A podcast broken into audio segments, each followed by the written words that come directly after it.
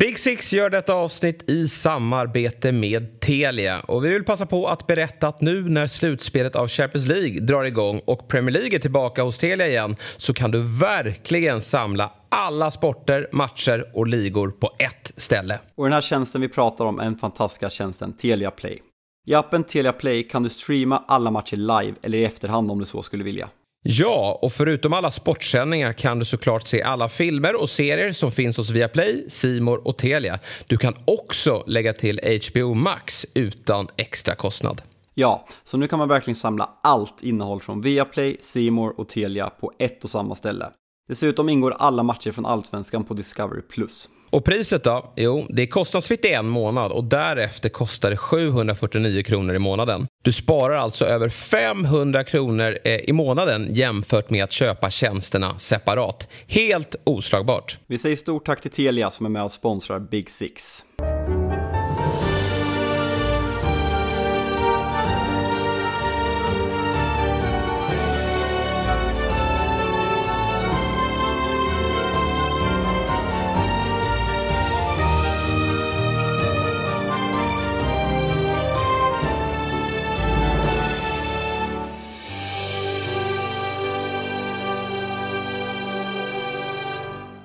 Då hälsar vi hjärtligt välkomna till veckans andra avsnitt av Premier League-podden Big Six. Med mig på länk har jag Fabian Jalkemo. Hur är läget denna torsdags förmiddag?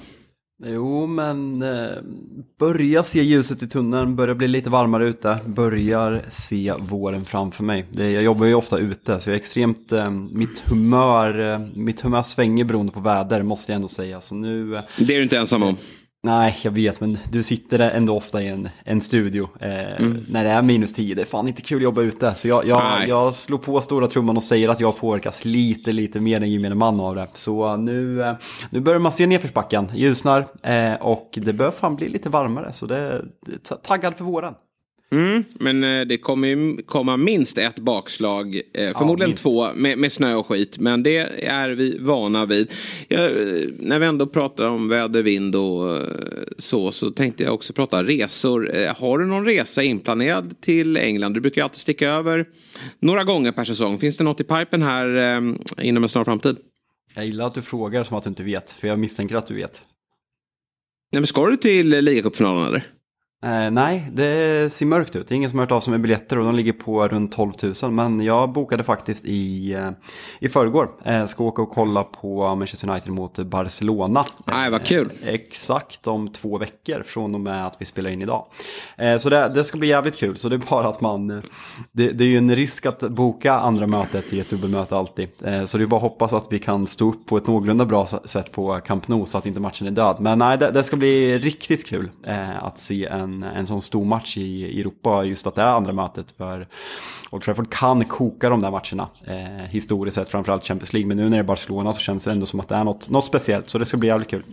Ja, på torsdag är ju första mötet av två då, nere i just Barcelona som du säger. Då. Bara hoppas att, det, eh, att de får med sig ett bra resultat där så kan det bli en riktigt läcker retur. Och Europaspelet drar igång nästa vecka och vi kommer ju såklart att snacka upp det eh, i vår podd eh, på måndag. Men sen har ju du också ett väldigt intressant projekt på G här eh, för eh, Big Six räkning. Berätta. Nej, men vi, eh, vi tog ju faktiskt beslutet, eller tog beslutet. Det är ju ett Merseyside-derby som spelas på måndag. Så då skickar ju vi ut ett tisdagsavsnitt. Spelar in på tisdag morgon och skickar in det då. Så då kände jag, men vad fan, måndagsavsnitten, tidiga måndagsavsnitten uppskattas. Så jag har faktiskt gjort så att jag eh, har suttit och ringt till, eh, till fem olika supportrar. Från Champions League-lagen plus United som ska möta Barcelona.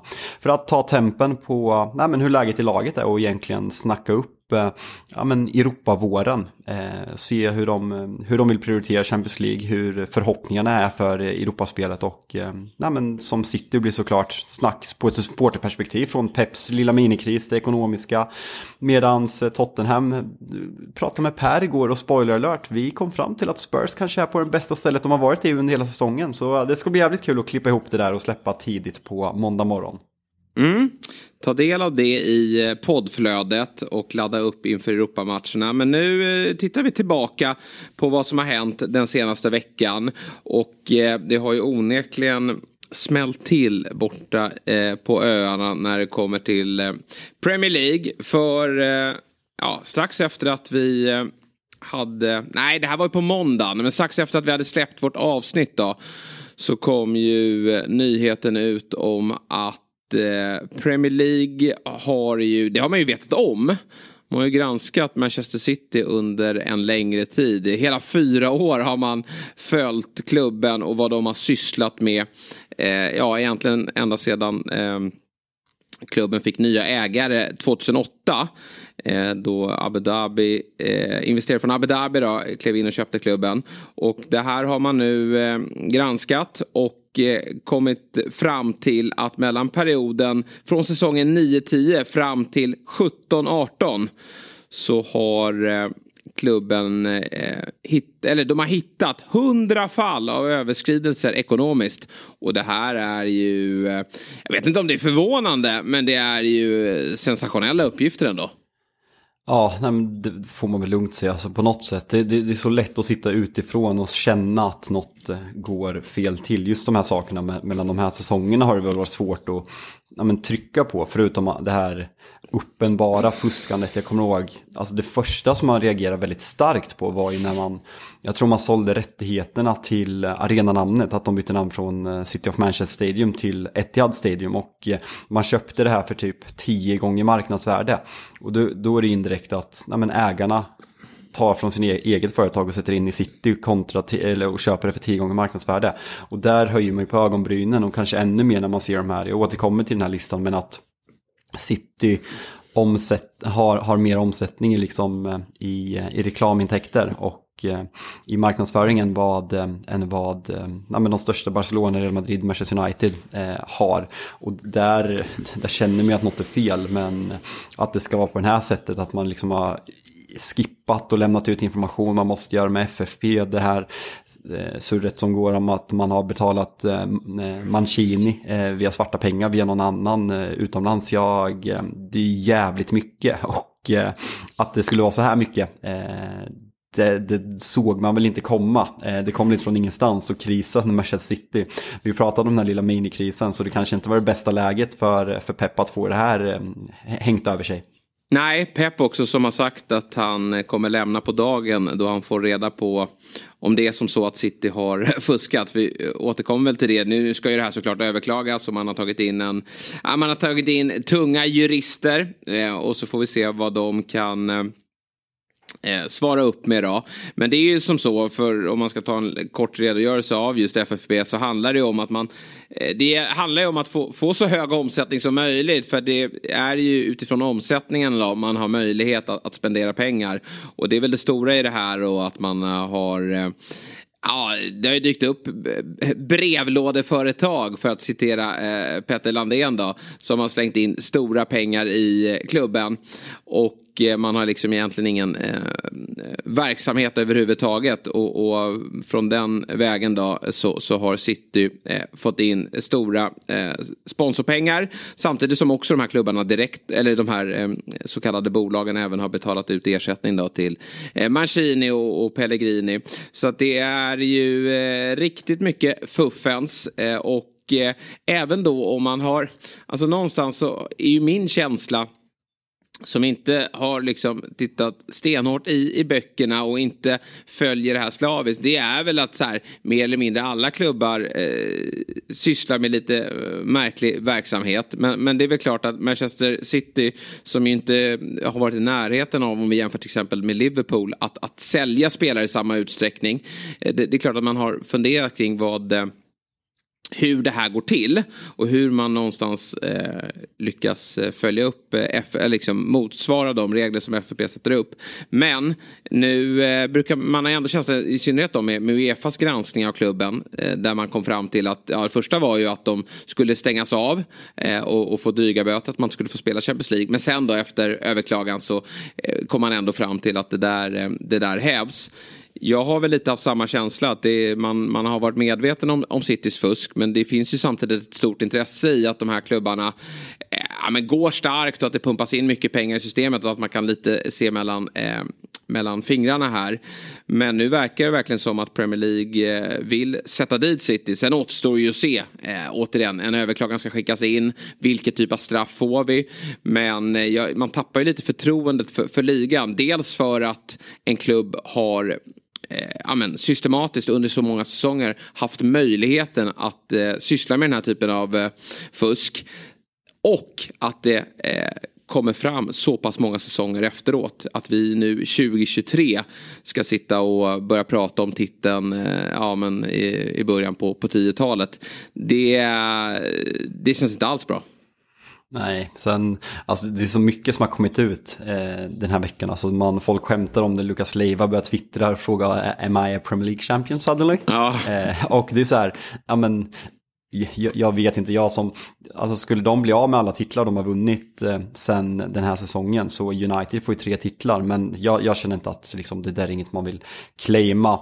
Eh, och det, det, känns liksom, det känns svårt att sitta och spekulera i straff när man inte ett vet hur allvarliga de här brotten är, två kan regelverket för, för straff så det, är bara liksom, det blir bara spekulativt. Vissa Telegraph skrev något att man kan skickas ut till, till femte divisionen medan vissa skrev poängavdrag och vissa skrev transfer bans. Det, är liksom, det blir bara rena spekulationer.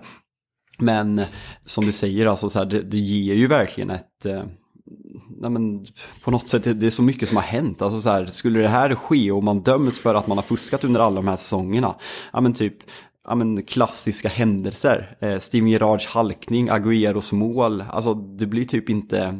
Det de händelserna som är en stor del av Premier Leagues historia existerar på grund av fusk. City får fan riva den där jävla statyn ja. Agüero och fira det där målet mot Cupra. ja, ja, verkligen. Nej men det, alltså, jag, och jag förstår bilderna när Phil Jones är ledsen efter slutsignalen uppe i Sunderland. Det, det existerar ju inte längre. Phil Jones står ju där och firar guldet och Ferguson är en, en Premier League-titel till. Så jag kanske ska tacka City. Ferguson kanske hade lagt av efter den här säsongen men nu gjorde han en till bara för att vinna den där sista 20 titeln.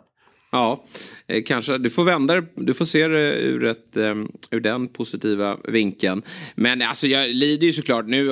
United, ni skulle väl fått tre titlar till. Eh, om det vore som så att man, man Eh, Eh, skulle ta bort eh, Citys titlar. Och, och, men framförallt då så lider man med, med Liverpool någonstans som har liksom Eh, ja, men Klopp har ju sen han klev in i klubben tillsammans med eh, FSG och Edwards och alla i den sportsliga ledningen. Ja, men de har ju byggt upp ett, ett monsterlag och har ändå kunnat hänga med City i den här sjuka poängskörden. Det har ju varit ett tvålagsrace under flertalet säsonger.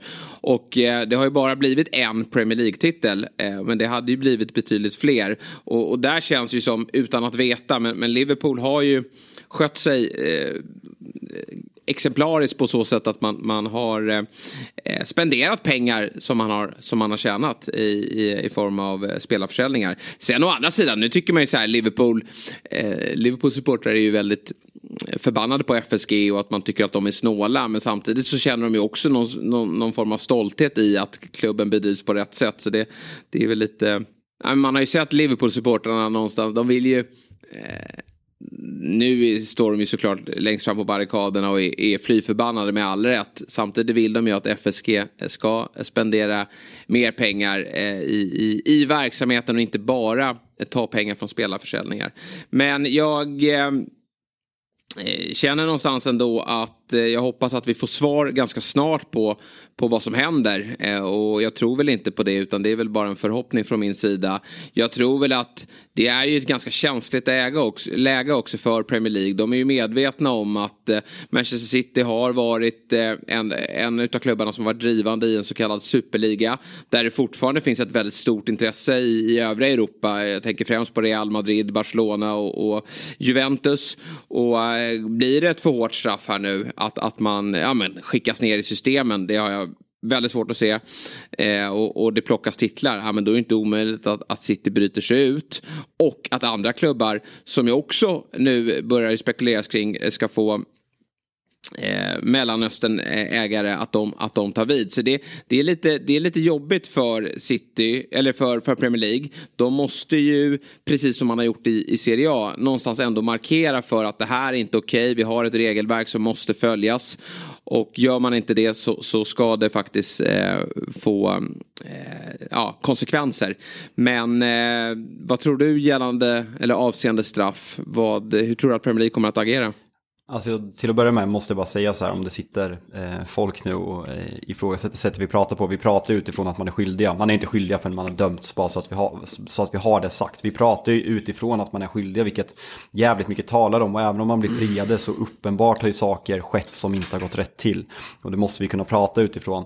Eh, alltså en del, eh, en liten del av cyniken i mig säger att tajmingen på den här, eh, på den här utredningen från Premier League är extremt eh, medvetet. Premier League har just, ja, men vi vet hur mycket kontra de övriga ligorna Premier League har spenderat i sommar och kanske framförallt i januarifönstret och att det kommer Real Madrid la någon överklagan mot PSG och Citys agerande till Uefa. Eh, gör inte Premier League det här, nu med den här tajmingen för att visa att vi har koll på våra lag. Alltså fuskar de så kommer vi sätta dit dem. Bara för att visa omvärlden att du kan inte, det, det, är ingen superliga. De får sina pengar och ska sköta si, sina grejer snyggt. Det, det, är en tanke. Sen, alltså det här med straff. Åker de dit för det här och har systematiskt fuskat under så här många säsonger. Alltså om de skulle få ett transferförbud på två fönster och bli av med 15 poäng. Alltså vad är det för straff? Alltså de har, de har vunnit så många titlar. De har satt sig i en sån otrolig situation och att då få poängavdrag, jag tycker inte att det är eh, ett tillräckligt straff. För de är fortfarande, säg att de får 15 poäng, de är fortfarande på pappret världens bästa lag och världens bästa tränare om han är kvar. Och de har fortfarande alla titlar. Ska man, ska man komma undan så lätt på att systematiskt fuska och utnyttja systemet, då, då tappar man ju tilltron till, till systemet och regelverket ännu mer. För då, då är det ju bara ja men för Newcastle, vad tror du de helst gör? Att de ja, men fuskar i 10 år, sen blir de av med 15 poäng och kanske vinner några titlar under tiden. Och sen ja. blir de av med 15 poäng och får inte värva på två säsonger. Då är det fritt fram och bara köra, för det, det är ju värt det. Jag, jag tror att City, ja, men blir av med 15 poäng. De får två dåliga säsonger för att de inte kan förändra laget och bli av med 15 poäng. Sen, ja men sex ligatitlar, Kanske vinner Champions League i år, FA-cupen, massa ligacuper, alltså alla upplevelser de har haft. Det är ju värt de två säsongerna i lite är lite, när det går lite sämre. Så det, det, alltså döms de för det här, för mig, det enda, det enda som svider, jag, jag, jag skiter verkligen i titlar. Jag vill inte ha som supporter, jag vill inte ha några gamla jävla titlar. Den enda som förtjänar den där titeln är Sir Alex. Alltså att Mourinhos pissiga United eller Ole Gunnars pissiga United under pandemisäsongen ska vinna för att man är typ 30 poäng bakom City. Det, det är bara ovärdigt. Så jag köper att Liverpool är mer frustrerande. Sen det, det, komiska är ju att straffas de mellan det här 09-10 till 17-18 då är United två titlar och Liverpool bara en. ja, det, exakt. Det, det, det, är ju surrealistiskt men det enda kännbara är att de måste flyttas ner en division för annars är det värt att fuska på något sätt. Jag landar i det. Ja, men jag håller med. Och sen hålla på att dela ut titlar i efterhand. Ja, men ryckt Citys titlar, men det är ju som sagt det är ingen glädje. Och jag tycker så här, eh, gör City till förlorare, samtidigt svårt att göra något. Det är nästan så att bara titlarna ska raderas de säsongerna. Men det är ändå ointressant. Jag tycker också det mest kännbara straffet är ju att, eh, att City får eh, kliva ur en, eh, kliva ner en division. Men då har vi å andra sidan det hotet som jag ser då, som Premier League nog ändå tar på högsta allvar. För de har ju det finns en acceptans till den här ägarstrukturen eh, och, och, det kan komma fler ägare från eh, den delen av världen.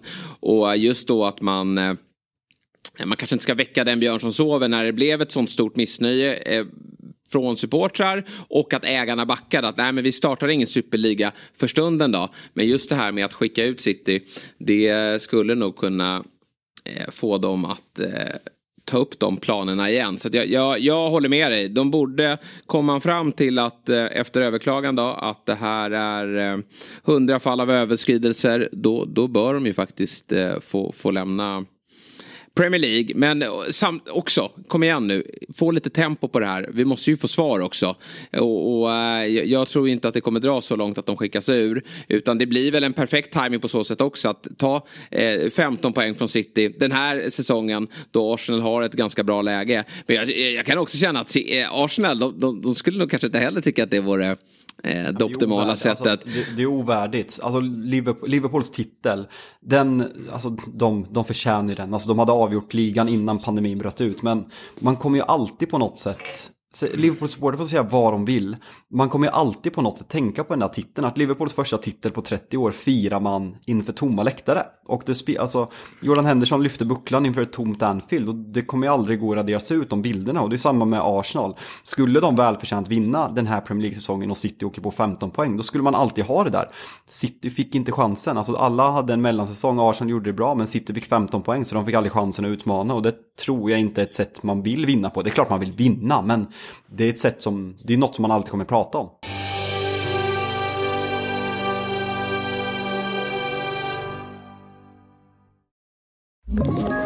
Ett poddtips från Podplay.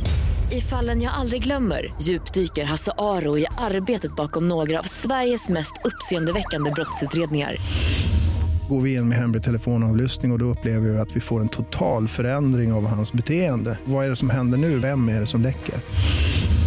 Och så säger han att jag är kriminell, jag har varit kriminell i hela mitt liv men att mörda ett barn, där går min gräns. Nya säsongen av Fallen jag aldrig glömmer på Podplay.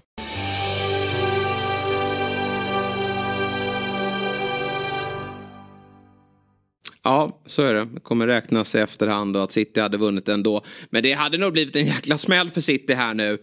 Eh, med tanke på var de befinner sig. Om, även om det bara blir ett, ett ganska milt straff då, i form av poängavdrag. Men det finns ju... Eh, Eh, Eh, man, man slåss ju inte bara i Premier League. Även om det hade varit kört då så hade man ju definitivt varit med i en kamp om Champions League-platserna.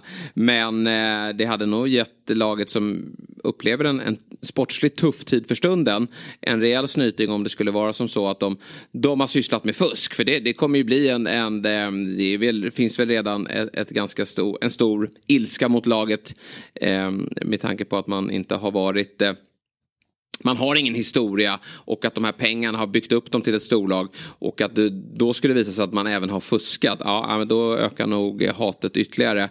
Men jag tror att laget, ja. Nej men tror du, hur tror du, för vi pratat om ja, men Peps överanalytiker och han petar spelare och han inte får ihop det just nu. Hur mycket tror du att det här påverkar ja, men, kanske framförallt pepp men även spelarna när man är inne i en dålig period och sen så kommer det här och man, alltså det är ju människor. Alltså även om man tror att de flesta fotbollsspelare 2023 är robotar så det är ju människor som vet att man är i en dålig period och sen så får man det här. Det blir en osäkerhet kring en egen framtid. Alltså så här, är det för är det för luddigt att börja spekulera i hur, hur vi kommer kunna se det här på planen, att det, att det påverkar spelarna eller?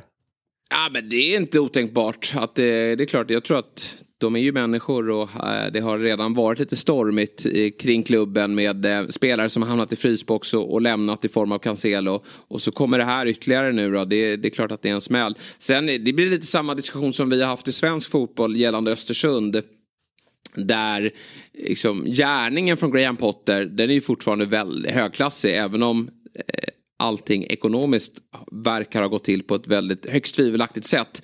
Och eh, det går ju inte att argumentera emot att Pep har ju fått fantastiska spelare. Samtidigt har han ju byggt ett väldigt slagkraftigt lag. Men eh, utan, utan de här medlen som han har eh, nyttjat så kanske man inte hade varit på den nivån. Jättesvårt att spekulera kring. Men hantverket Pep och de spelarna, vad de har presterat under alla år är ju fortsatt väldigt bra. Men eh, det är frågan om vi hade, vi hade fått det utfallet om, om eh, Eh, man hade hållit sig till reglerna. Ja, det här blir såklart väldigt spännande att följa. Eh, Lord Panic har klivit in som eh, Eh, advokat här och, och, ska se till så att City löser den här krisen. Men min önskan, eh, vilket ju de förmodligen skiter fullständigt i, det är ju att vi får svar i alla fall innan eh, säsongen är klar, eller hur? Ja, ja verkligen. Det är, det är det som folk tror, att det kommer bli klart sommar, sen kommer det överklagas vilket håll den går åt. Eh, gällande panik där, eh, fan, kommer du ihåg sen när man gav upp när man var, när man, när man var så här i 14-15 års åldern, fan man kanske inte kommer komma, kanske inte kommer bli fotbollsproffs. När man ser den där dagslönen han skulle tjäna, ja. att man inte blev advokat alltså. Ja, på den nivån är det ju, han ska ju alltså vara den bästa inom sin kategori då. Rädda fotbollsklubbar.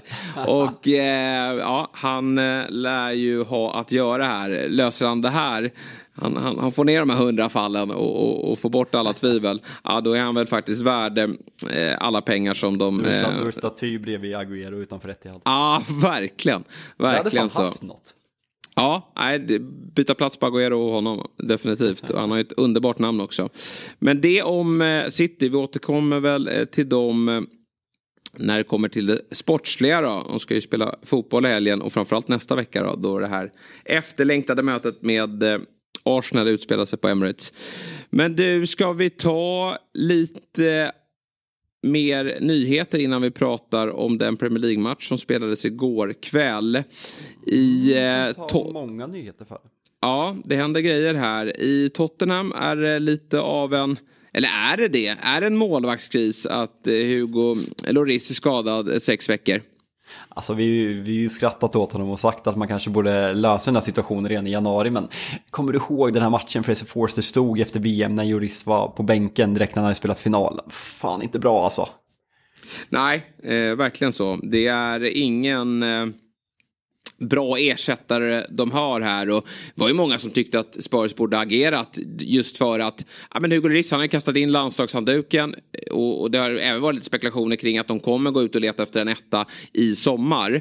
Men kanske att man skulle ha tagit det på allvar redan i, i januari med tanke på hur, hur dassig han har varit sedan han, han kom tillbaka från Frankrike. Och nu dyker den här skadan upp. Eh, Forster, han gjorde ingen bra match. Det var mot Brentford va?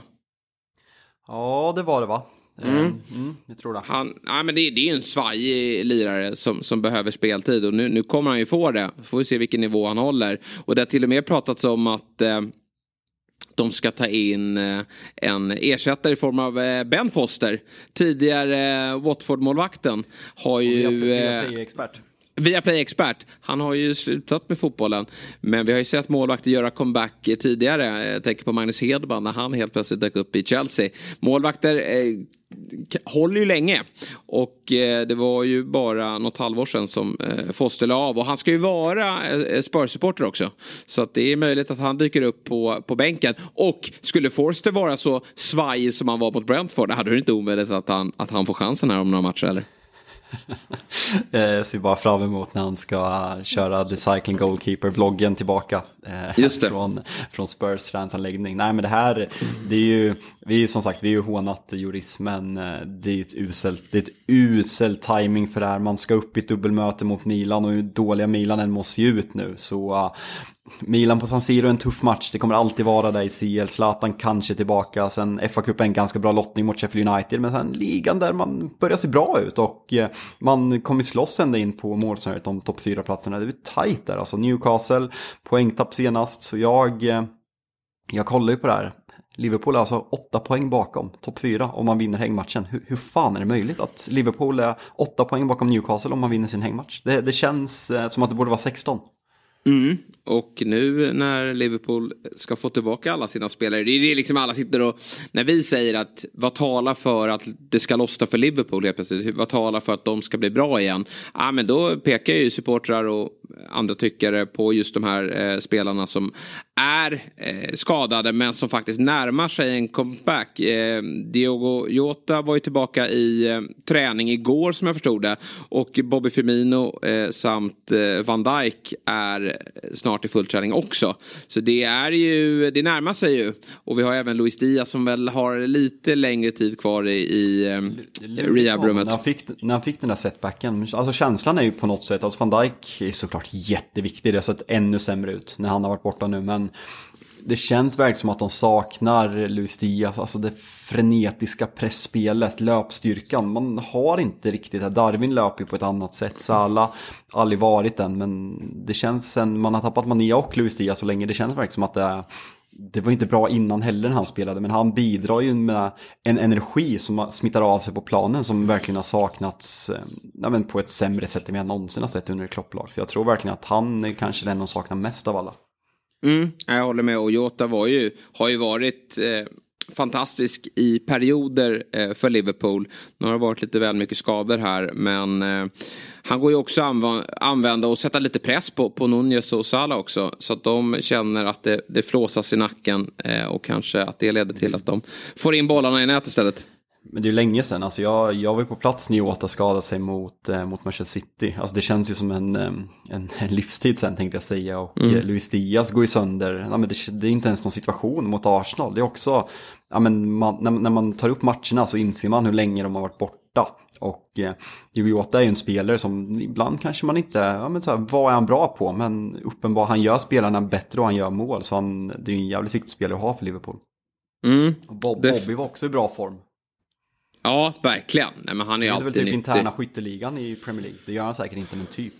Nej, men nästan. Han gjorde ju väldigt många mål där Mm. eh, och eh, gör ju eh, framförallt sina medspelare bättre. Så att det där är ju viktiga besked för Liverpool och kanske då vi, att ger, de... vi, vi ger upp hoppet till Liverpool nu. Det är bra Jesper, nu blir de taggade supportrarna.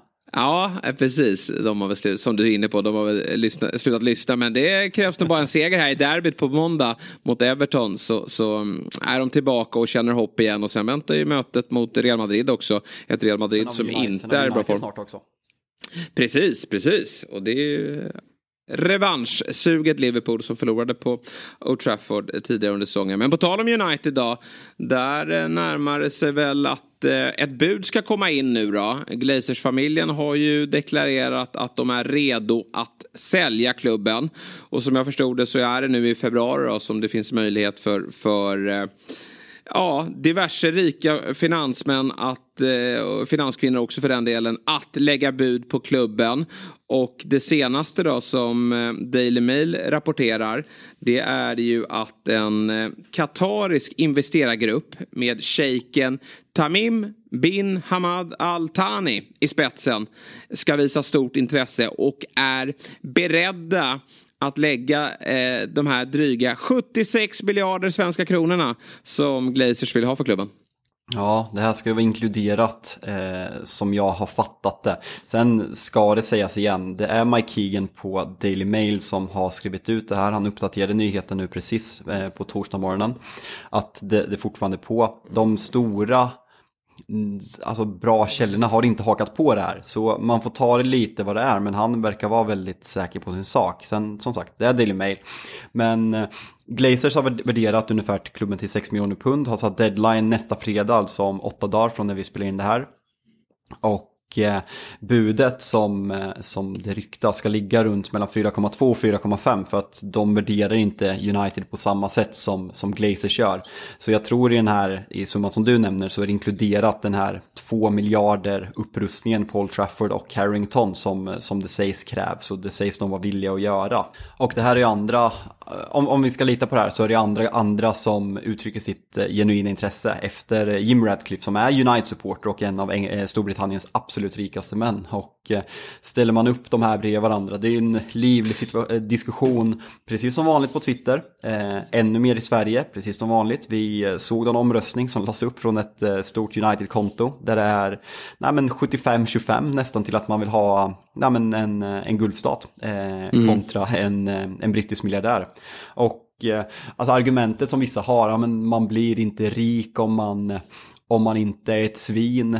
Alltså det, det är en stor skillnad på att köra över folk och vara en framgångsrik affärsman i Storbritannien eller USA kontra att eh, kontra att representera en stat som liksom eh, slår ner på mänskliga rättigheter. Det måste man ändå kunna se en skillnad och sen det går att ta men de har investerare och investerat pengar i de delarna av världen. Så, så den diskussionen kommer alltid funka. Men det är ju den här vä- vägen fotbollen har tagit och svårt att se att den inte kommer gå. Så det känslan är att vem ska köpa klubbar förutom Gulfstater och amerikaner? För Premier League blir så jävla mycket större i USA och Todd Bowleys intåg kommer inte göra det här mindre. Och det är samma sak med Leeds och en investerargrupp som heter 49ers eh, ska inte förknippas med, med NFL-laget som, som äger 40% och det är de som ser den här ja, men, ökade intresset i, i USA och kör all in på Leeds eh, USA-satsning satsning. så um, jätteproblematiskt och jag eh, som supporter det är klart av moraliska skäl att jag är jättenegativ till det här men uh, likväl så vill jag bli av med Glazers på alla sätt som går. Sen så här vill man inte ha det. Det är piss på alla sätt. Det blir piss vad fan man än gör. Det är, det är svårt och känslorna är på många olika plan gällande sådana här saker. Mm. Och har man committat till den här ligan, eh, Premier League, och man har ett stort intresse som du och jag har för den, då, då får man ju tyvärr eh, ta del av det här och i Storbritannien så är ju inte den här frågan lika het som vi ser uppe i Norden. Det är bara att se bevakningen av, av Qatar-VM där, där vi givetvis här uppe låg i, i framkant. Och, och, eh, det finns ju andra länder som såklart eh, rapporterade kring, kring vad som sker där nere men inte alls i lika stor utsträckning. Vilket ju leder till den här typen av undersökningar där man, där man ser ja, men beloppen framför sig och, och vad till exempel då Manchester City har ehm, eh, ja, lyckats med, visserligen via fusk då, men, men eh, det är ju eh, en, en Glazers-familj som har varit eh, kraftigt kritiserad. Och det är ju det är lite samma som i Newcastle. De, också det, allting föranleds av att det är en, en nuvarande ägarstruktur som man är otroligt trött på. Och, och, då förstår jag att många känner bara att det, det, det ska in en ny ägare och, och, där står de och viftar med enorma summor. Men eh, som du är inne på, det är att Eh, får man välja här så är ju Ratcliffe, eh, ja men det är ju ett sånt fantastiskt mycket bättre val utan att ha stenkoll på honom som affärsman. Men jag tycker att Premier League någonstans måste börja se över sina fit and proper eh, eh direktiv.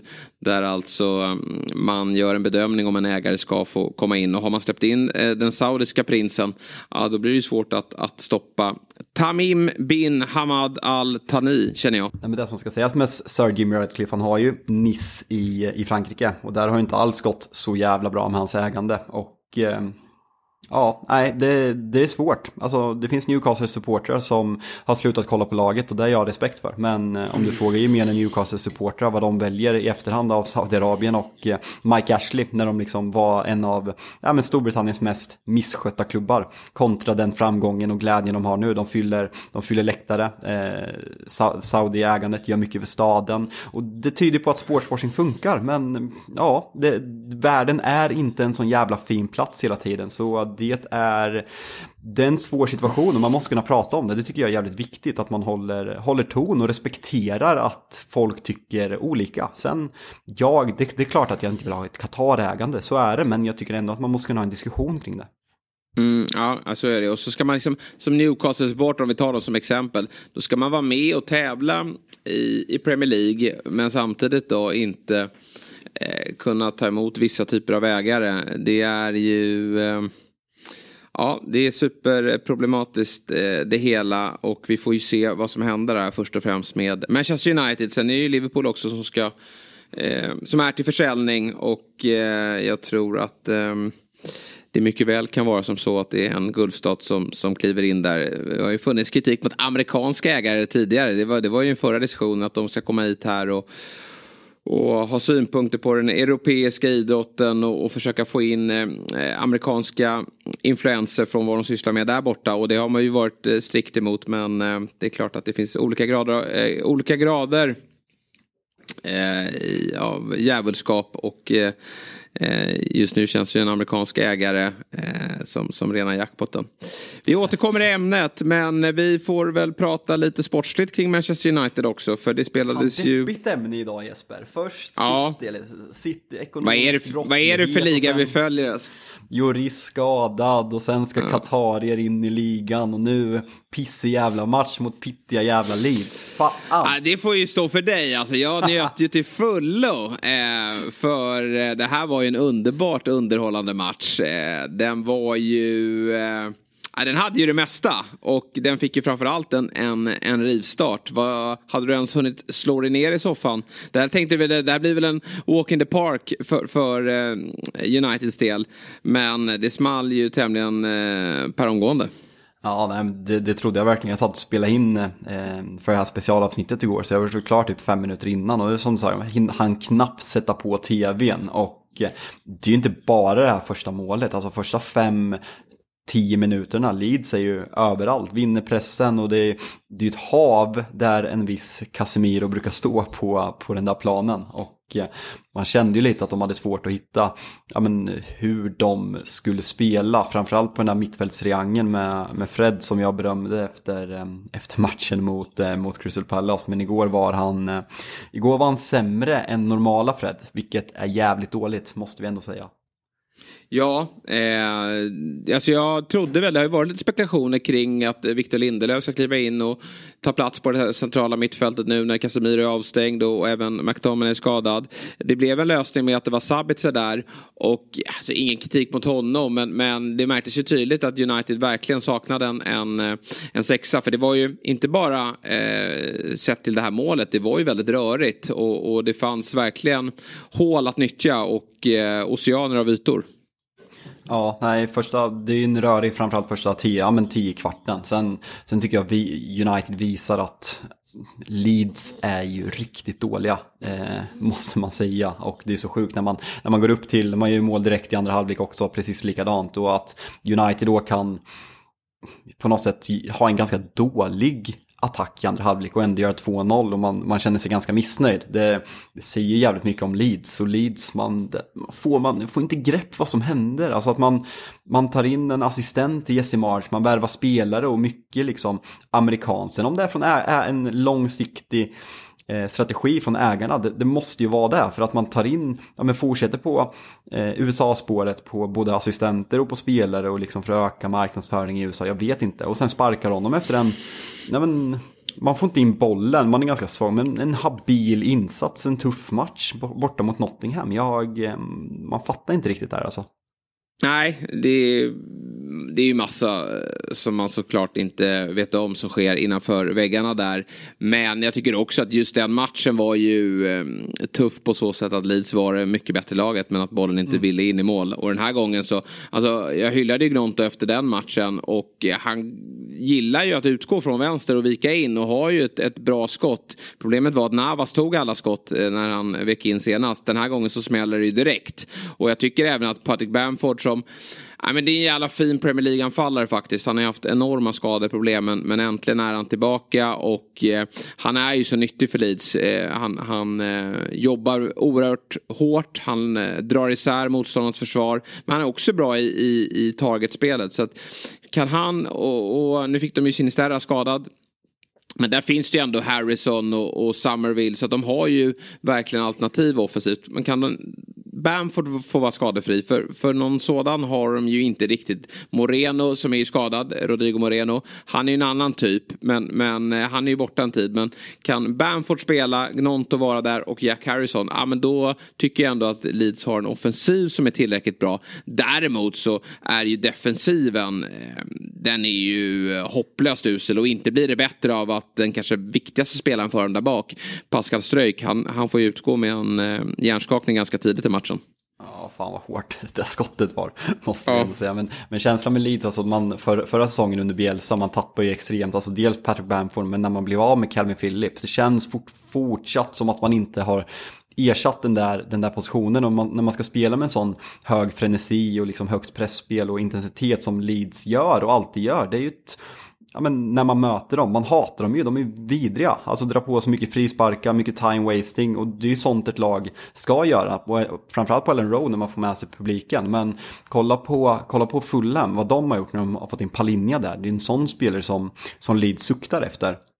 Och Eh, jag ser ingen, ingen riktig väg och vi har ju sagt alltså så här, man, man är verkligen inblandad i bottenstriden och det där kan bli tufft att reda ut. Eh, det, ska bli, det ska bli kul att se. Jag tycker McKennie gör en bra första match. Det syns att han har, även fast han är ung så har han ändå den här rutinen och vet att liksom Old Trafford måste vara ja, men, time wasting, vara lite, ja, men, vara lite cyniska och det behöver det där ganska orutinerade laget få in och sen måste man, när Rodrigo är skadad som du säger, Patrick Bamford måste komma igång med målskyttet. För det har vi också sagt, kolla på vad som händer med Brentford när man har Evan Tony som är 10 plus mål eller vad man eller Fulham som har Mitrovic. Det är det som man behöver i en anfallare som stänker in 15 mål på en säsong och det är inte Leeds haft och framförallt inte när Rodrigo är skadad nu.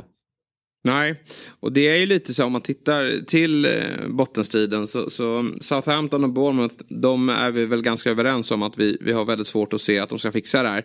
Men sen då, Everton med ny tränare. Eh, de, de fick ju en injektion, får vi se hur, eh, hur långvarig just den injektionen blir. Men, men eh, det känns som att de är lite på G i alla fall. West Ham ska ju fixa det här, de ska inte vara nere. Wolves är verkligen på G, Leicester är alldeles för bra.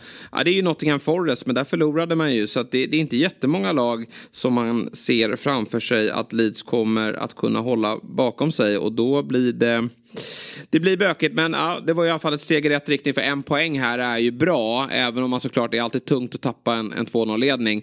Men det hängde ju ett eh, 3-2 mål i luften för United och jag jag förstår inte riktigt hur man eh, inte lyckades få in bollen under de perioder. Den blev ju väldigt sönderryckt den här matchen. Det var ju många tilläggsminuter på grund av skador och annat. Men det var ju perioder, dels i första men även i slutet på andra då. Eh, där, där United skapar ett jäkla tryck men bollen vill inte in.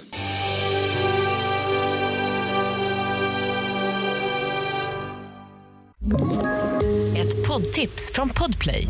I fallen jag aldrig glömmer djupdyker Hasse Aro i arbetet bakom några av Sveriges mest uppseendeväckande brottsutredningar.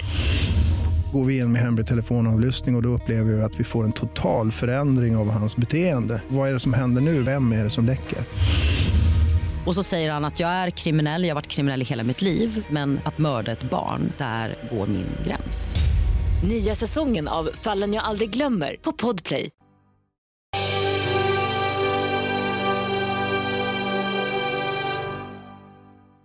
Nej, alltså, alltså just uh, nu vi... Sancho gör ju mål åtta minuter efter Rashfords reducering men det kändes som att dels efter det här målet så vart det liksom, då avtog pressen. Sen direkt efter Sanchos, Sanchos kvittering så avtog pressen i tio minuter och det var sönderdryck. Så jag tycker att den där sista, sista, sista pushen vart ja men sådär, för det kändes verkligen som att Leeds stod på knäna, hade gjort många byten med skador, så det kändes som att verkligen att man skulle kunna göra det. Sen att Fred lyckas få varenda chans som uppstår i slutet är helt, helt osannolikt. Och jag måste, jag måste be om ursäkt och ta tillbaka en sak jag sagt i den här podden. Wout Weghorst. Ja. Fan vad dålig han är. Jag tar jag tillbaka ställa, alla, go ja. alla, alla godkända kommentarer, alla 2,5 insatser. Helvete vad dålig han är Jesper. Nej, men han hänger inte med. Han, det är ju eh, det är inte rättvist mot honom för att han har skickats in eh, på en nivå där han inte hör hemma. Eh, svårare än så är det inte. Och, och, och, och liksom för att kliva ut till Uniteds försvar så var ju inte tanken att han skulle få så här mycket speltid. Men samtidigt visste man ju om Martials problem. Och jag köper ju verkligen vad Ten, Ten Hag säger när han tycker att eh, men Martial är viktig för Uniteds spel. Ja, för att han är ju en betydligt bättre anfallare än vad eh, Weghorst är. Han är kvickare, han är bättre i längdspelet, han kan gå i djupled och en... Eh, ja, men han är bättre på allt i stort sett. Eh, Weghorst kan ju knappt nicka trots att han är tre meter lång. Så att jag... Eh, han, alltså han var ju tänkt att eh, kastas in vid forcering. Men nu när Martial är out så, så funkar det ju faktiskt inte att eh, spela honom så här ofta. Och jag tänker framöver, jag vet att Rashford, han börjar till höger och där är han ju inte lika bra. Det är ju enda positionen där han inte funkar. Han är ju bäst till vänster men funkar även på topp. Och framöver nu då, jag, jag gillar ju Garnacho eh, och, och jag tycker att han bör få mer speltid. Garnacho vänster, Bruno centralt, Jadon Sancho till höger och Rashford på topp. Ja, nej, men jag, jag håller faktiskt med. Och det blir ju på något sätt, Ganacho blir på något sätt scapegoaten igår. För han byts ut och då börjar vändningen. Och han byts ju ut för att vi måste flytta Rashford någonstans. Och det är ju bara att, det, det är det som är svårt, att han spelar på Rashfords bästa position där han är så uppenbart bäst. Eh, men jag kände verkligen igår att, vi pratade om det innan också, att ja, men, eh, att hur mycket man suktar efter en, det är svårt att säga att man suktar efter Håland och eh, Harry Kane, för det gör alla lag, men avsaknaden av den typen av striker i den här typen av matcher tycker jag är väldigt talande och det, det syns den här matchen, framförallt kanske i första halvlek, att Ser man på målskillnaden den här säsongen att United är inte bra på att göra mål. Man saknar det där sista, det är Rashford som genom individuell kvalitet gör målen. Annars gör vi sällan nej, men, riktiga så här strikermål. Alltså de här i boxen när någon bara stöter in dem. Exempelvis ja, men, Harry Kanes mål mot City. Vi har inte den om inte eh, Marcus Rashford gör, gör det själv. Sen det, det som är glädjande som man tar, tar, tar med igår är ju ja, men, vändningen. Det är starkt, man är nu 13 eller 14 raka matcher på Old Trafford obesegrade som jag tror betyder ändå någon någonting. Att, det, att man ändå går in inför returen på Ellen Rowe på söndag med någon typ av go i laget. Och sen var det jävligt glädjande måste jag bara säga. Alltså, framförallt som supporter men även som, som människa att se Jadon Sancho. Ja, men, jävligt fint inhopp att han får göra målet och glädjen och hur lagkamraterna firade med honom. Det var, det var jävligt fint. Ja, han har ju varit sjuk här i veckan. Eh, så att det hade väl, det fanns till och med på, på eh, tapeten att han skulle starta den här matchen. Men efter sjukdomen då så blev det ju bänkplats. Men kanske då att han startar eh, till helgen mot Leeds igen då. Eh, då lagen eh, möts på nytt. Men jättekul att se. Gör ett pikt och bra inhopp. Men när han och Palestri kommer in då, alltså Sancho Alltså han spelade mycket till höger i Dortmund och jag vill ju liksom tro att eller för Uniteds skull så är det ju väldigt bra om Sancho funkar till höger. Men han tog vänstern och Palestri eh, ute till höger. Men eh, återigen om jag får eh, formera Uniteds offensiv framöver så är det ju Sancho höger och Ganacho vänster. Eh, Anthony eh, behöver inte eh, spela. Och sen Sabitzer då. Han, ja men tydligt att det där är inte hans roll. Precis som att man inte sätter Eriksen i den där rollen så sätter man inte Sabitzer där. Nej, jag tycker att det var, det var tydligt och man ska ju absolut inte döma honom. Men jag tycker nej, nej, alltså. Del, del, dels Casemiro saknas jättemycket, men även Sabitzer är inte den här sittande Eriksen. Nu blir ju på något sätt en, en missförstå mig rätt när jag säger Paul Scholes, men det är han som dikterar tempot och står liksom, ja men sätter sig ganska djupt och, slår, och styr speltempot. Det är ju inte den spelartypen eh, Sabitzer heller, så det ska bli väldigt intressant. Ja, men det blir det första matchen på, på torsdag mot Barcelona, när eh, förhoppningsvis Casemiro, Bruno och Sabitzer spelar tillsammans och ser hur, hur de formerar det här mittfältet och, eh, och hur det ser ut. Så det dömer honom verkligen inte in eh, än. Man, man såg att det fanns offensiva kvaliteter och ett, eh, och ett jävla långskott, så um, något snyggt mål får vi hoppas på i alla fall. Mm. Viktig, äh, viktigt ändå att man tar den här poängen. Det är, liksom, det är klart United är besvikna, De vill ju ha alla tre där. Eh, och viktig poäng för, för Leeds som sagt då, i, i jakten på, på överlevnad. Får vi se hur eh, lagen eh, formerar. Fortfarande en del problem i båda försvarsled. Jag tycker att eh, Junior Firpo som kommer in här, jag har ju sagt det, det är ju en av de absolut sämsta spelarna jag någonsin sett i Premier League. Och han ska ju bli utvisad också i, i andra halvlek. Grejen är ju så att den situationen, det, det, är ju rött kort när man ser det, är en andra varning, men när man ser det så ser det ut som ett ihopslag och Bruno lägger sig så jävla mycket hela tiden och skriker vad det än är. Eh, så jag, jag tror på något sätt att Bruno Fernandes eh, får nästan lite skylla sig själv där, men det är klart att det ser ut, sen var det sent så jag ska inte, jag ska inte säga så mycket om det. Vad, eh, vad är känslan för, vad har vi för matcher i helgen då? City, Villa hemma är en passande uppgift, uppgift att studsa tillbaka på. Ja men det får man väl säga. Alltså eh, Villas defensiv är ju inte bra. Alltså. Det, det, eh, det är otroligt rörigt där bak. Och eh, City känner väl att de behöver en, en bra insats innan den stora matchen eh, på torsdagen där. Så att det, det där eh, vinner City trots att det är stormigt i klubben. West Ham-Chelsea är jag lite nyfiken på. Vi trodde att det skulle vara ett nytt Chelsea som eh, tog sig an Fulham men eh, förtvivlat svårt att skapa målchanser. Ser dock lite bättre bakåt ut här. Berdashile har varit bra. West Ham, eh, ja. Felix, de är... Tillbaka va? Ja, han är tillbaka. Mm. Så det, ja, det ska bli kul att se framförallt hur de formerar laget. Eh, känner, man ju på förhand och West Ham som ja, men på något sätt har hittat formen lite. Eh, så det där blir en väldigt eh, spännande lunchmatch. Sen Arsenal-Brentford, Brentford är ruggigt schema mot Big Six i år. Så ja. den där är inte alls, eh, den där är inte alls avgjord. Och eh, Arsenal som vi har varit inne på, lilla minikrisen, två raka mm. nollor, noll poäng. Mm, nej, verkligen. De behöver också känna att de, de kliver in i, i stormötet på onsdag är det väl som de möter eh, City. Får ju en dag mer vila här vilket ju kan vara välkommet. Men eh, de behöver också känna att de, de eh, har vind i seglen inför eh, den matchen. Annars så förväntar jag mig väl att Newcastle eh, hittar tillbaka till vinnarspåret. Har ju två raka poängtapp, två kryss då. Möter Bournemouth borta. Isak är i träning men börjar väl på bänken här. Men det ska väl inte vara något snack om saken där va? Jag säger poängtapp. Ja, du gör det igen. Ja. Mm. Du vet ja, då blir kulan är, den, den, är, den är glasklar. Ja, det är den ju faktiskt. Det är den ju faktiskt. Ja, det vore ju eh, spännande. Då kommer det verkligen vara vittring för lagen som eh, skuggar där bakom. Och då pratar jag om Brighton som åker och möter Palace här utan Saha. Det borde de kunna fixa. Och Spurs då har ju Leicester. Känns ju som en, en, en målrik historia på förhand. Med tanke då på att Spurs visserligen såg bra ut defensivt men har ny målvakt där bak och eh, ett Leicester med Madison. Romero det är ett annat Leicester. Romero avstängd också ja. Just det, den lilla detaljen. Nej, det där kan bli en underhållande match. Eh, många mål eh, tror vi på där. Men sen då måndag. Eh, krismöte och eh, derby då på Anfield. Liverpool mot Everton. Kan Everton upprepa den där bedriften som de stod för mot Arsenal tror du?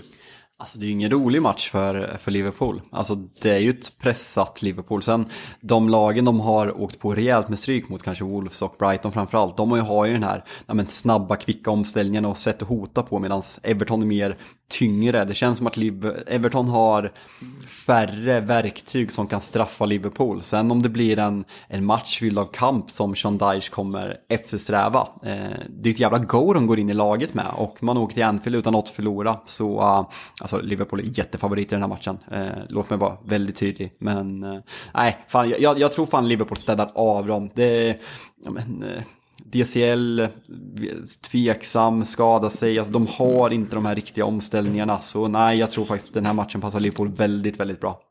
Ja, jag tror också på Liverpool i den här fighten. Kanske att man får en boost av att, ja men Jota kanske på bänken då. Eh, det är ju några dagar kvar till måndag. Och eh, jag... Eh, men jag, jag, tror att det, det, är känslan här nu i Liverpool att nu måste någonting ske. Snart ska man få spela Champions League och det behövs lite besked innan dess. Jag eh, känner att eh, Liverpool växlar upp här och, och, och vinner eh, krismatchen. Ja, nej, men det, det, det, måste man göra för sen väntar Newcastle, sen väntar Real Madrid, sen väntar Manchester United. Så det, ja, men ett, vi ju pratade om Liverpools säsong, vart den ska ta vägen dit. Kanske det mest avgörande läget hittills nu. Nu, är det ju, nu kan det gå till en lyckad, eller en lyckad säsong, missförstå mig rätt. Men slår man ut Real Madrid och börjar ta upp kampen på riktigt, men slår Newcastle, då är man med på riktigt. Så det är jävligt avgörande för Jürgen Klopps mannar att, eh, att komma igång nu. Som du säger, Jota, Bobby, van Dijk jävla boost för det där laget. Så um, för Liverpools skull får vi hoppas att de, att de får med sig det nu. Ja, eh, verkligen så. Och eh, sen sitter väl alla och hoppas på att det ska bli poängadrag här på City också. 15 poäng eh, av, då, då, då är väl Liverpool eh, nästan ikapp. Nej, jag hoppas fan inte det. Ta det. Nej, nej, fan, då blir jag lack alltså. Nej, då, men det vore inte det. Då blir du lack. Det vore väl moraliskt eh, bra. Eller eh, okej, okay, om Liverpool får en fjärde plats med tanke på vad fan City har sysslat med. Jo, alltså just att Liverpool får, men fatta som Liverpool-supportrar, alltså så här, de, de har tagit liksom 97-96 poäng och kommit tvåa. Sen helt plötsligt gör Arsenal en ganska bra säsong. Ja, men då ska City få poängavdrag så att det gynnar Arsenal. Medan Liverpool ja, kanske får en topp 4-plats. Mm. City är ju 15 poäng för Liverpool ändå, så det blir så här, ska Arsenal gynnas över att Liverpool har torskat titlar, det blir, det blir hyckleri av Guds nåde. Mm. Ja, så eh, det finns poänger i det resonemanget jag blir fan, jag blir fan lack och Liverpools vägnar. Förstår hur långt jag har kommit nu Jesper. Jag har kommit långt steg i min, eh, i min roll som neutral del av Big Six-podden ja, tycker jag. Jag tycker att du löser det galant även om andra har, eh, några få har synpunkter på det. Men eh, du Fabian, det blev ett lite kortare avsnitt idag. Eh, vi har pratat om fusk och vi har pratat om eh, tveksamma ägare, framtida ägare. Men eh, efter helgen kommer vi ha mängder att prata om. För då har det spelats fotboll, vi ska snacka upp Champions League. Även om du då också då gör det i eh, separata avsnitt med supportrar från eh, Europalagen. Och sen så ska vi givetvis prata upp eh, den stora matchen på onsdag då, mellan Arsenal och City. Men eh, du och jag spelar in tisdag alltså.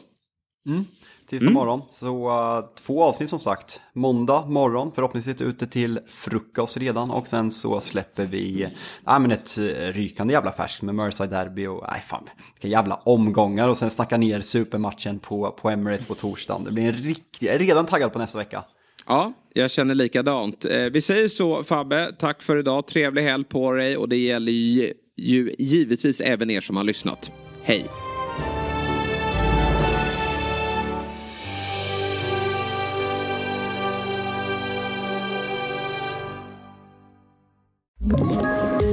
Poddtips från Podplay. I podden Något Kaiko garanterar östgötarna Brutti och jag, Davva, dig en stor dos skratt. Där följer jag pladask för köttätandet igen. Man är lite som en jävla vampyr. Man har fått lite blodsmak och då måste man ha mer. Udda spaningar, fängslande anekdoter och en och annan arg rant. Jag måste ha mitt kaffe på morgonen för annars är jag ingen trevlig människa. Då är du ingen trevlig människa, punkt. Något Kaiko, hör du på Podplay. Därför är gardinerna.